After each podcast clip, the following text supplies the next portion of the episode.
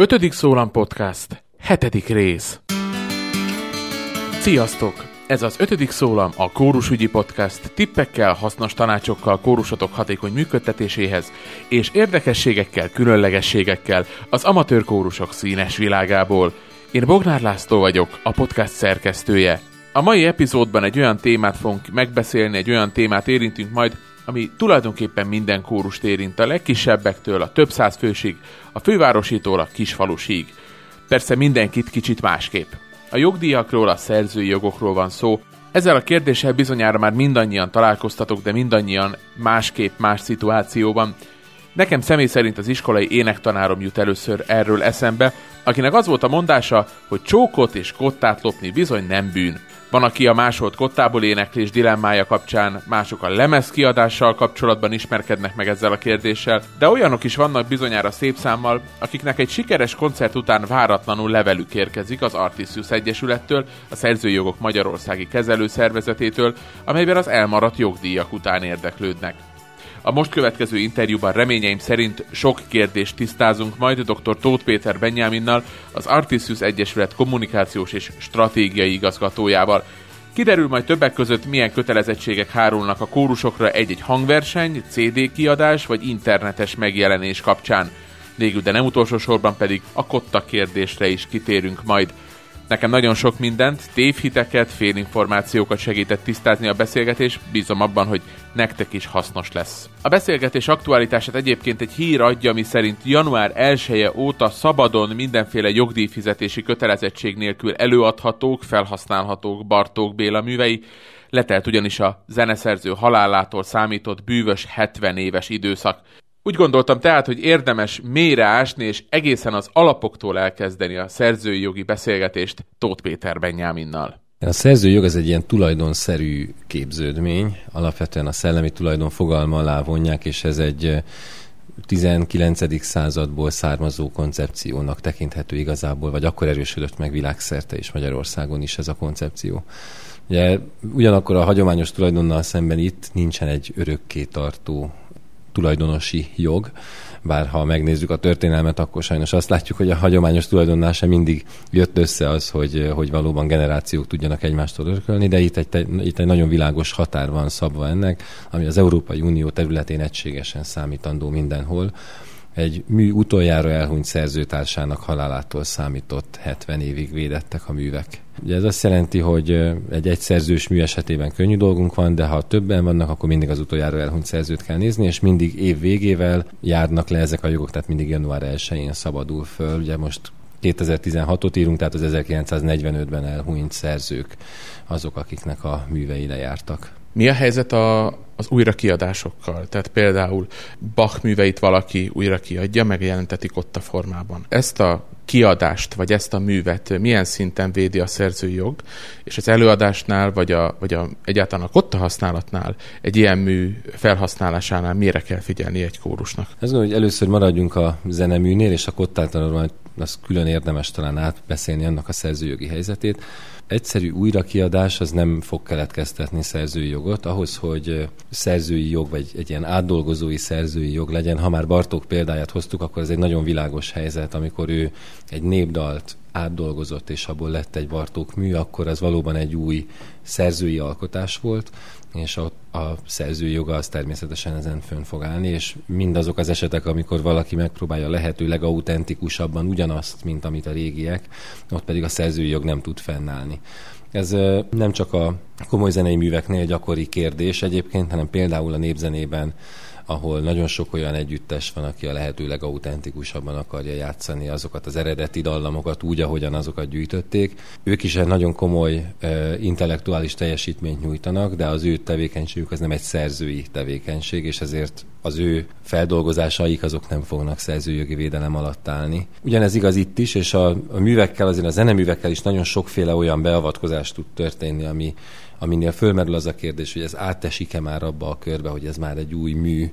Ugye mindig arról van szó alapvetően, hogy magát a, a művet, annak a struktúráját, a hangnemét, a stílusát megváltoztatja, akkor az átdolgozásnak minősül, és akkor, akkor keletkezik új szerzői jog. És az egyéb esetekben tudom én, amikor egy zongoradarabot mondjuk át új rendeznek, ezek is fontos tevékenység, de ez, ettől nem lesz maga az új zenemű, és ez nem lesz természetesen szerzőjogilag sem védett. Talán a legegyértelműbb, legeklatánsabb helyzet, amikor egy kórusnak vagy bármilyen előadó művészeti együttesnek a szerzői joggal kapcsolatban kötelezettsége merül fel, az a művek előadása. Amikor egy kórus koncertet tervez, tehát a saját előadását, vagy más helyen, más által szervezett keretek között szeretne előadni műveket, akkor milyen kötelezettségei vannak? A művek előadásával kapcsolatban mindig a rendezvénynek a szervezője az, akit bármiféle jogi kötelezettség terhelhet.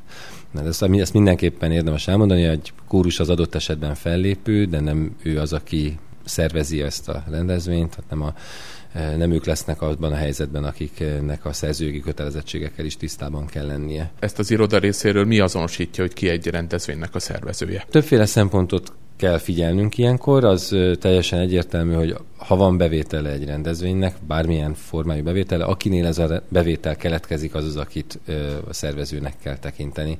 Nyilván az érdekesebb esetek azok, amikor nem egy szereplő, hanem több szereplőnél van ilyen, akkor azt mindig egyedileg kell megvizsgálni.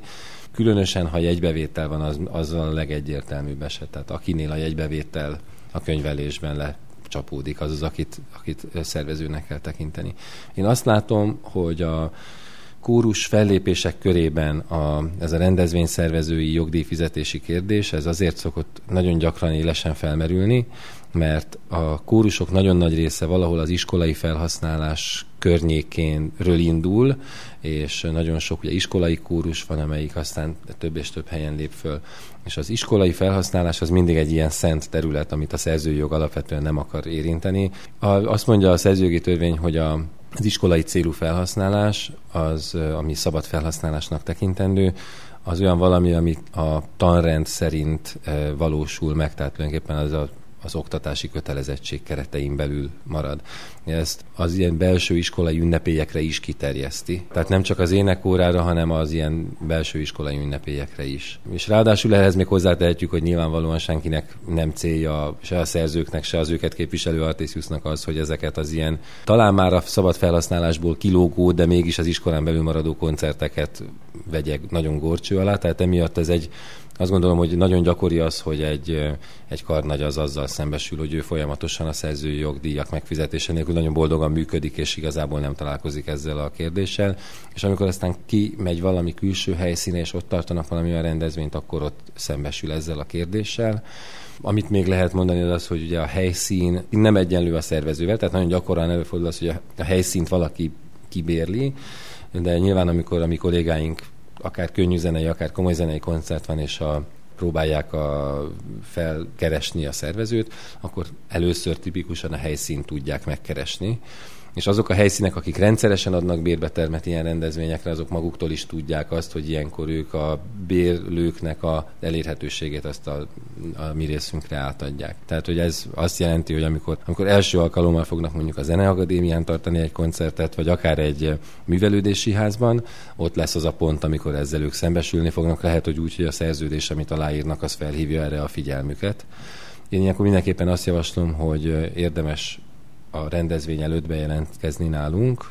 Ilyenkor egyrészt még kedvezményt is lehet erre kapni az előzetes bejelentésért, egy 20%-os kedvezmény is kapható. Másrészt azért ezek a rendezvények tipikusan nem azok a nagyon magas jegyárral, nagyon sok nézővel rendelkezőek, tehát nem is olyan nagyon sok a jogdíj, amit fizetni kell, de az egy egyértelmű kijelentés, hogy ha valaki utólag próbálja már amúgy is szűk keretbe be sakkozni valahogy a szerzőjogdíjat, az nehéz. Ha meg előre számolnak vele, akkor egyébként nem egy olyan nagyon nagy összeg, amit ezt ne lehetne megfizetni. Egy ilyen bejelentés során mik azok az adatok, amiket az iroda elvár, amit meg kell adni, és ezek alapján hogyan számítódik ki aztán a koncert után befizetendő szerzői jogdíj? Hogyha van jegybevétel, akkor egy százalékos, egy alaphelyzetben 9 százalékos szerzői jogdíjat kell fizetni a jegy ár után. Tehát mindenképpen, ugye, amire ilyen helyzetben szükségünk van, az a fizető nézőknek a száma is, hogy hány forintos jegyet vásároltak, ez a legfontosabb. Ott, ahol nem jegybevételes a rendezvény, ott pedig a közönség létszáma alapján történik a jogdíj fizetés egy ilyen sávos fizetési kötelezettség van, ami hát nyilván kevesebb, mint a belépődíjas, de azért annak egy ilyen alsó korlátját jelenti. A számít-e valamit, hogy az előadott művek, tehát a, a koncert műsora milyen arányban tartalmaz olyan műveket, amiknek még élnek a szerzői konkrétan, vagy vonatkozik rájuk ez a jogdíj kötelezettség, vagy már nem? Ez természetesen számíthat, kapcsoljunk is most vissza az első kérdésre, hogy adott esetben előfordulhat, hogy eleve csak nem védett művek hangzanak el, ilyenkor nem is kell az Artisius felé bejelentést tenni. Nyilván, ha kizárólag védett művek hangzanak el, tehát kizárólag ilyen 70 évnél nem régebben elhunyt szerzők művei, akkor ott ezt a teljes jogdíjat meg kell fizetni, és hogyha a felénél kevesebb a, a védett műveknek a száma, akkor van egy ilyen csökkentett 5 illetve 6 os jogdíj amit ön is említett az előbb, hogy, eh, hogy sok kórusvezető, kórusszervező akkor találkozik először ezzel a, a dologgal, amikor esetleg tart egy koncertet, és jobb esetben e-, erre a szerződésben felhívják a figyelmét, a kevésbé jó esetben, vagy inkább a kicsit kellemetlenebb helyzetben pedig utólag jelentkezik nála a Szerzői Jogvédő Iroda Egyesület, hogy tudják, hogy volt ez a koncert, és hogy szeretnék felgöngyölíteni a dolgokat, adatokat kérnek be. Ez hogy működik, hogyha utólag keresnek meg együtteseket, akkor mire számíthat egy adott szervező? Szervező. Hát ilyenkor valóban adatot kérünk, ugyanezeket az adatokat próbáljuk bekérni, mint amit az előbb említettem, tehát hogy volt-e bevétel, vagy nem volt, hányan vettek részt ezen, és ez alapján állítunk ki egy jogdíjfizetési értesítőt. Alapvetően, bár vannak olyan eszközök, amikkel lehetne egyébként ilyenkor nekünk egy magasabb jogdíjat követelni, ezzel azért első alkalommal a kollégáink igyekeznek nem élni, tehát sokkal inkább az a célunk, hogy legyen egy folyamatosan a az ilyen kötelezettségeket is jól ismerő és jó partneri viszonyt, velünk jó partneri viszonyt ápoló kör. És én azt gondolom, hogy ahogy egyre több emberhez eljut ennek a híre, meg talán ez a beszélgetés is segít ezen egy kicsit, akkor ezzel el lehet ezt kerülni. Mondom, hogy ha időben beállítják ezt a költségvetésben, akkor ez nem egy lehetetlenül nagy összeg. Utólag meg nagyon nehéz erre még plusz pénzt valahonnan előgyűjteni. Ez gyakran fordul egyébként elő, hogy kórusok vagy esetleg más komoly zenei együttesek után kell járni az Egyesületnek? Azt gondolom, hogy nem ez a legnagyobb mennyiségű probléma, vagy nem ez, nem ez okozza nekünk a legnagyobb gondot, nyilván a könnyű zenében van sokkal több olyan eset, ahol, ahol a ahol oda kell figyelnünk. Ami nagyon fontos különbség a könnyű zene meg így a kórus művek között az az, hogy a könnyű zenében gyakran a fellépő az vagy teljesen vagy részben a saját maga által írt dalokat játsza, tehát ő sokkal motiváltabb arra, hogy, hogy odafigyeljen a szerzői jogdíjakra, hiszen ő ebből a végén jogdíjat is kap.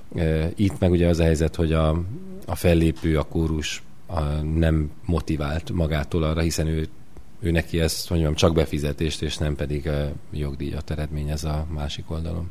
A másik eset, amikor talán egy kórus kapcsolatba kerülhet, vagy szerzőjogi ügybe keveredhet, az a hangfelvétel készítésnek az ügye. Nagyon sokan gondolják azt, hogy kórusuknak a megjelenését lehet segíteni azzal, hogyha CD-t adnak ki, vagy más módon jelentetnek meg előadást. Csatoljunk vissza egy kicsit a koncerthez.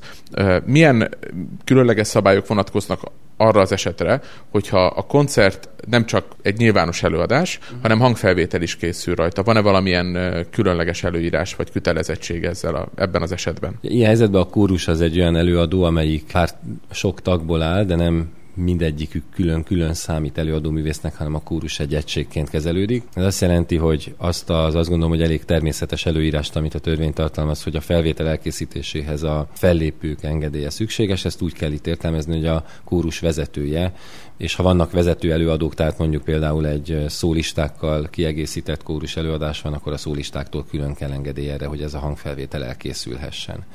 Ez mindenképpen fontos. Ugye nyilván a helyszín maga, ahol készül ez a felvétel, ez nem szerzői jog, hanem ez egyszerű polgári jog, egyszerű tulajdonjog. Ő, mint a helynek a tulajdonosa, megengedheti vagy megtilthatja azt, hogy ott hangfelvétel készüljön, éppen úgy, mint ahogy azt is megengedheti vagy megtilthatja, hogy egyenek az emberek ott, vagy ne egyenek az emberek, vagy hogy tudom, milyen ruhába mehetnek be, vagy milyen ruhába nem mehetnek be. Tehát ez a tulajdonjog, ami egy, egy hely tulajdonosát illet, ez nagyon-nagyon sok mindent lehetővé tesz számára, így ezt is. Tehát az is sokszor előfordul, hogy a helyszín maga is vagy nem engedi, vagy csak bizonyos feltételekkel engedi azt, hogy felvétel készüljön. Ugye ez, amire leginkább oda kell figyelni, a hangfelvétel kiadásnál, hogyha még ilyen védett művek is vannak, akkor ott is van egy jogdíjfizetési kötelezettség, tehát ott is az Artisius a szerzőknek az érdekét figyeli, és a szerzők részére jogdíjat szed be, ami a a többszörözött példányok számától függ. Ugye itt is tudok mondani azért egy ilyen nagyjából tehát hogyha csak védett művek vannak egy lemezen, akkor a 180 forint szerzői jogdíjat kell, hogy befizessenek egy példány után. És itt pedig ez másodperc arányosan, ha ennél kevesebb a védett műveknek a száma, mennyisége, akkor ennyivel kevesebb a fizetendő jogdíj és hát akkor így, hogyha mondjuk ezer példányban adják ki, akkor az ugye 180-szor ezer, tehát az mondjuk 180 ezer forint jogdíj fizetést jelent. Ez azt jelenti, hogy ezt is a hangfelvétel készítés előtt kell megtenni ezt a bejelentést, és akkor az alapján generálnak egy jogdíjat. Illetve itt a sokszorosítás és a terjesztés előtt kell ezt a bejelentést megtenni. Viszont itt, ami, amire érdemes odafigyelni, az az, hogy a, egy hangfelvétel kiadója, amit egyébként jogilag pontosan hangfelvétel előállítónak hívunk, ugye az a személy, aki ezt az egész hangfelvétel készítési folyamatot összefogta, és elkészítette a hangfelvételt, ő maga is egy ilyen szerzői joghoz hasonló joggal fog rendelkezni, amit szomszédos jognak hívunk. Tehát aki ennek a hangfelvételnek a jogtulajdonosa, ahogy ezt szoktuk így kicsit csúnyában mondani, őnek is bizonyos lehetőségei vannak. Tehát például ugye ezt a hangfelvételt az ő engedélye nélkül más nem adhatja ki, nem másolhatja le. Vagy például, ha ez a hangfelvétel mondjuk rádiós elhangzásra kerül, vagy televízióban elhangzásra kerül, akkor ő neki is ugyanúgy jár jogdíj ebből, mint egy előadónak, vagy egy szerzőnek. Ez az együttes, vagy az, aki a mikrofon végén a potmétereket tekeri, ez most nagyon képletes, de hogy, hogy azt hiszem megfoghatóvá teszi a dolgot. Ez, ez fontos, hogy nem az számít, hogy ki az, aki készíti a hangfelvételt, hanem hogy ki az, aki ennek az egésznek a szervezési és anyagi hátterét összefogta. Ugye az angol kifejezés az egyébként itt a producer, ez mondjuk egy filmes világból érthetőbb talán, de azért az, hogy itt arról van szó, aki a, a pénzt összegyűjtötte hozzá és megszervezte az egészet, aki kifizette a hangmérnököt, aki az összes egyéb ilyen kötelezettséget kifizette, ő az, aki ebbe a szerepbe kerül. Ez fontos tudni, hogy ő, amikor jogdíjat vár a különböző felhasználásai, tehát a, a lemez felhasználásai után, ő nem az Artisiusnál, hanem a Mahasznál kell, hogy jelentkezzen. A Mahasz ez a Magyar Hangfelvétel Kiadók Szövetsége, és aki kiadott akár csak egyetlen CD-t, az a Hangfelvétel Kiadók Szövetségének lehet tagja, és ott, hogyha ezeknek más elhangzása van, mondom, rádiós lehet talán leginkább egy ilyen hangfelvételnél, akkor ott ő nekik jogdíj járhat ezután. Az előbbiekben a CD készítésről beszéltünk, de manapság már nem csak a CD kiadásról eshet szó, vagy nem csak a CD kiadás kerülhet szóba egy kórusnál, hogyha nyilvános megjelenést tervez, hanem egyre többen osztják meg a saját hangfelvételeiket, videófelvételeiket a YouTube-on, a Spotify-on, vagy más hasonló zene letöltő, vagy zene streaming szolgáltatások felületén.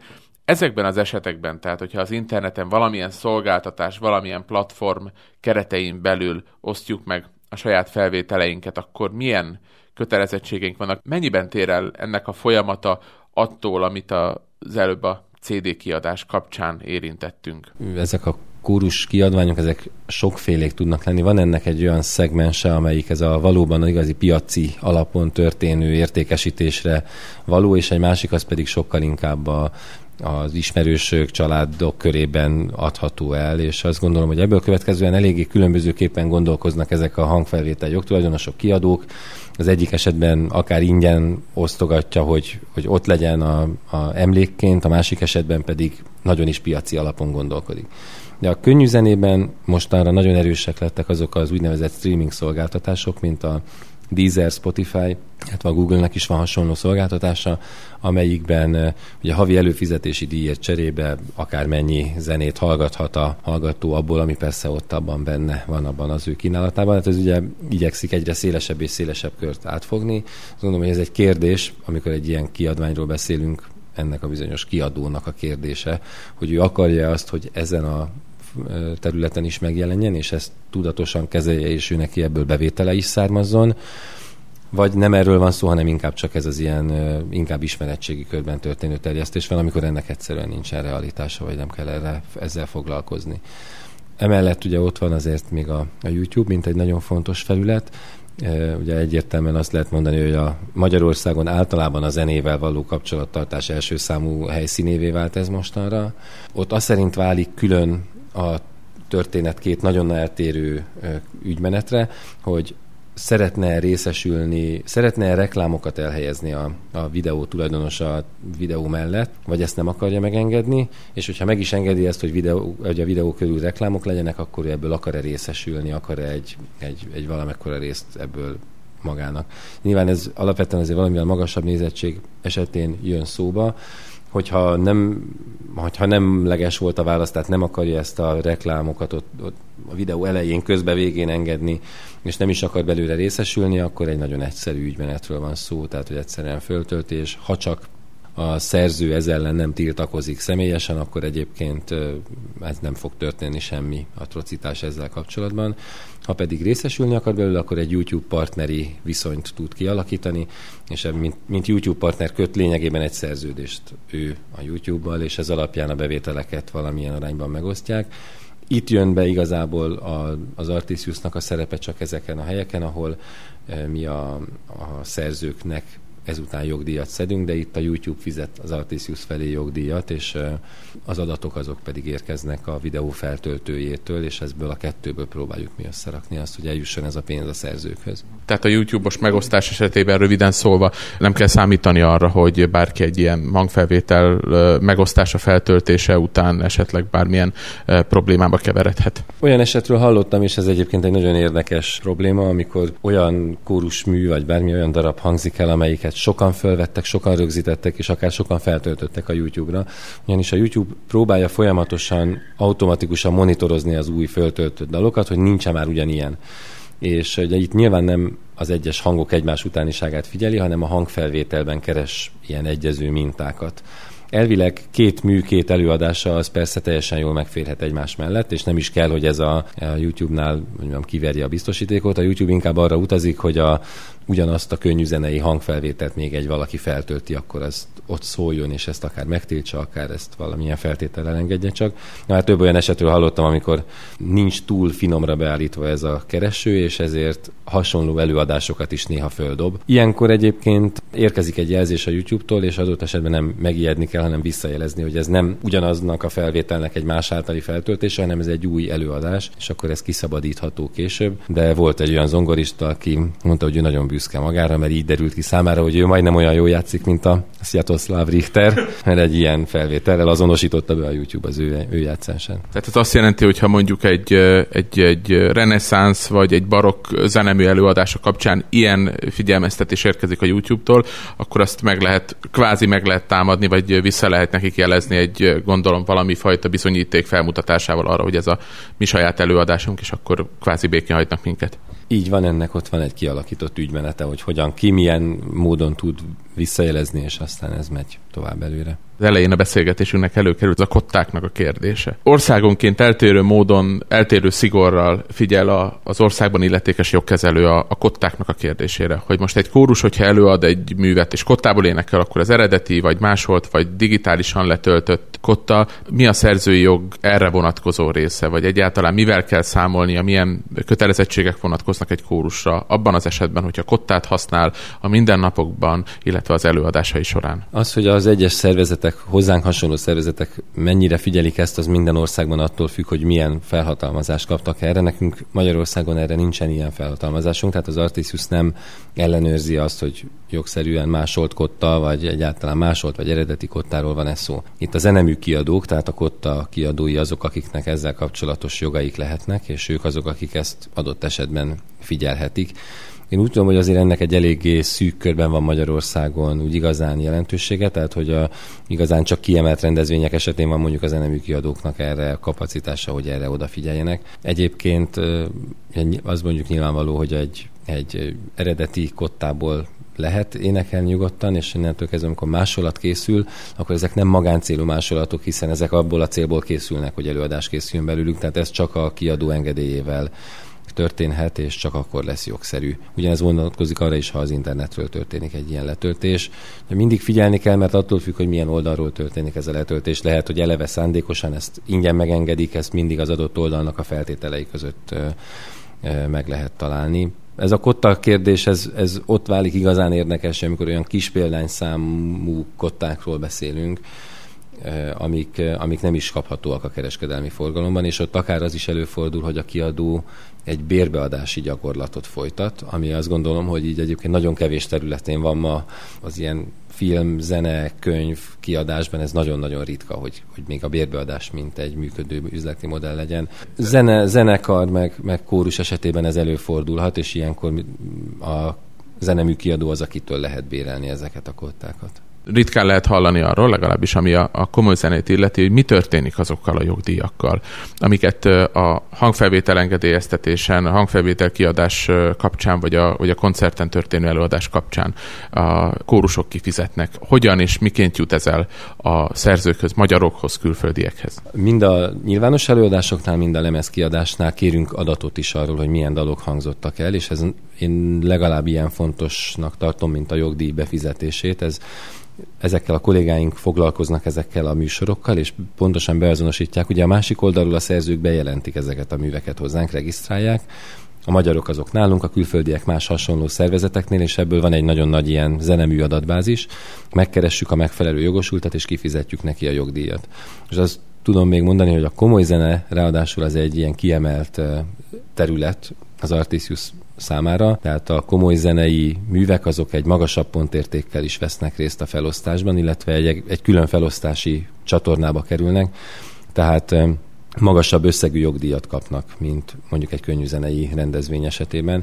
Tehát azt gondolom, hogy itt, itt tényleg sokszorosan igaz az, hogy érdemes odafigyelni, és ez egy ez nem csak egy gesztus a, a szerző felé, hanem anyagilag is egy olyan pluszt jelent számára, amiből ő aztán majd új műveket tud alkotni. És azt gondolom, hogy ez a komoly zenébe különösen fontos, mert ott egy nagyon hosszú idő alatt érnek be a művek, és ellentétben a könnyű zenével, ahol egy év alatt elhasználódik, itt, itt van egy nagyon nagy intellektuális befektetés a szerző részéről, ugye akár azt, hogy mennyi ideig tanulta azt, hogy ezt hogyan kell csinálni, utána mennyi ideig írt egy művet, és lehet, hogy csak az unokái lesznek azok, akik, akiknél ennek aztán igazán a sikere majd beigazolódik. Tehát itt az, hogy a jogdíjakat ők megkapják, az számukra az első számú bevételi forrás, ez az, amiből a, nem csak a kotta papírt, hanem a mindennapi betevőt is veszik, és ez, ezért ezt, a komoly zenészeknek tényleg a legfontosabb bevételi forrása a jogdíj. Nagyon szépen köszönöm a beszélgetést. Köszönöm szépen, örülök neki és így a beszélgetés végén engedjetek meg nekem egy személyes megjegyzést, egy személyes véleményt. Most, hogy meghallgattátok a beszélgetést, biztosan sokan gondoljátok úgy, hogy egyfajta lehúzás áldozataivá válnak a kórusok. Ez az egész jogdíjasdi nem szól másról, mint hogy az amúgy is nehéz anyagi helyzetben lévő együttesekről még egy bört lehúzzanak, és még egy alapon, még egy jogcímen pénzt szedjenek be tőlünk, kórusoktól. Én azonban most szeretnék nektek egy másik nézőpontot, egy másik perspektívát ajánlani ehhez a kérdéshez. Én ezt a kérdést már, mint a szerzőjogok kérdését pont azóta látom másképp, amióta életemben először lehetőségem nyílt egy húsvér, kortás kórusszerzővel találkozni és beszélgetni. Valakivel, akinek a műveit egyébként a mindennapokban énekeljük, előadjuk, és akinek a munkáját honoráljuk tulajdonképpen azzal, hogy minden alkalommal, amikor nyilvánosan előadjuk a művét, ami egyébként nekünk is, meg a közönségünknek is nagyon tetszik, szóval minden előadás után kifizetjük a jogdíjat, amiből aztán ő is részesül. Nagy rajongója vagyok ezen kívül a kortárs amerikai kórusszerzőknek, és őket bizony azok a kórusok is tartják el, akik rendre megbízzák őket, hogy írjanak nekik darabokat. Éppen ezért tartom különösen fontosnak, hogyha már az anyagi lehetőségeink nem engedik, hogy darabot rendeljünk valakitől, akkor azzal támogassuk legalább a számunkra szépet vagy értékeset alkotók munkáját, hogy az előadott műveik után, azok után a koncertek után, amin az ő műveik elhangoznak, eh, befizetjük a szerzői jogdíjat. Nos, remélem hasznos információkkal szolgált a podcast mai epizódja is. A további infókat megtaláljátok az 5.szólam.com per 007 oldalon, tehát 5.szólam.com per 007-es, és arra ösztönzök mindenkit, minden kedves hallgatónkat, hogy ajánljon nekünk témákat, kórusokat, érdekes kezdeményezéseket, olyan kórusprojekteket, amik szerintetek a párjukat ritkítják. Írjátok meg nekünk, hogyha van ilyen ötletetek a hellokukat 5.szólam.com címre e-mailben, vagy a Facebookon az 5. Szólam podcast Facebook oldalán, e, akár privát üzenetben, akár kommentként valamelyik bejegyzésünkhöz fűzve. Nincs más hátra, mint hogy megköszönjem a figyelmeteket, sziasztok!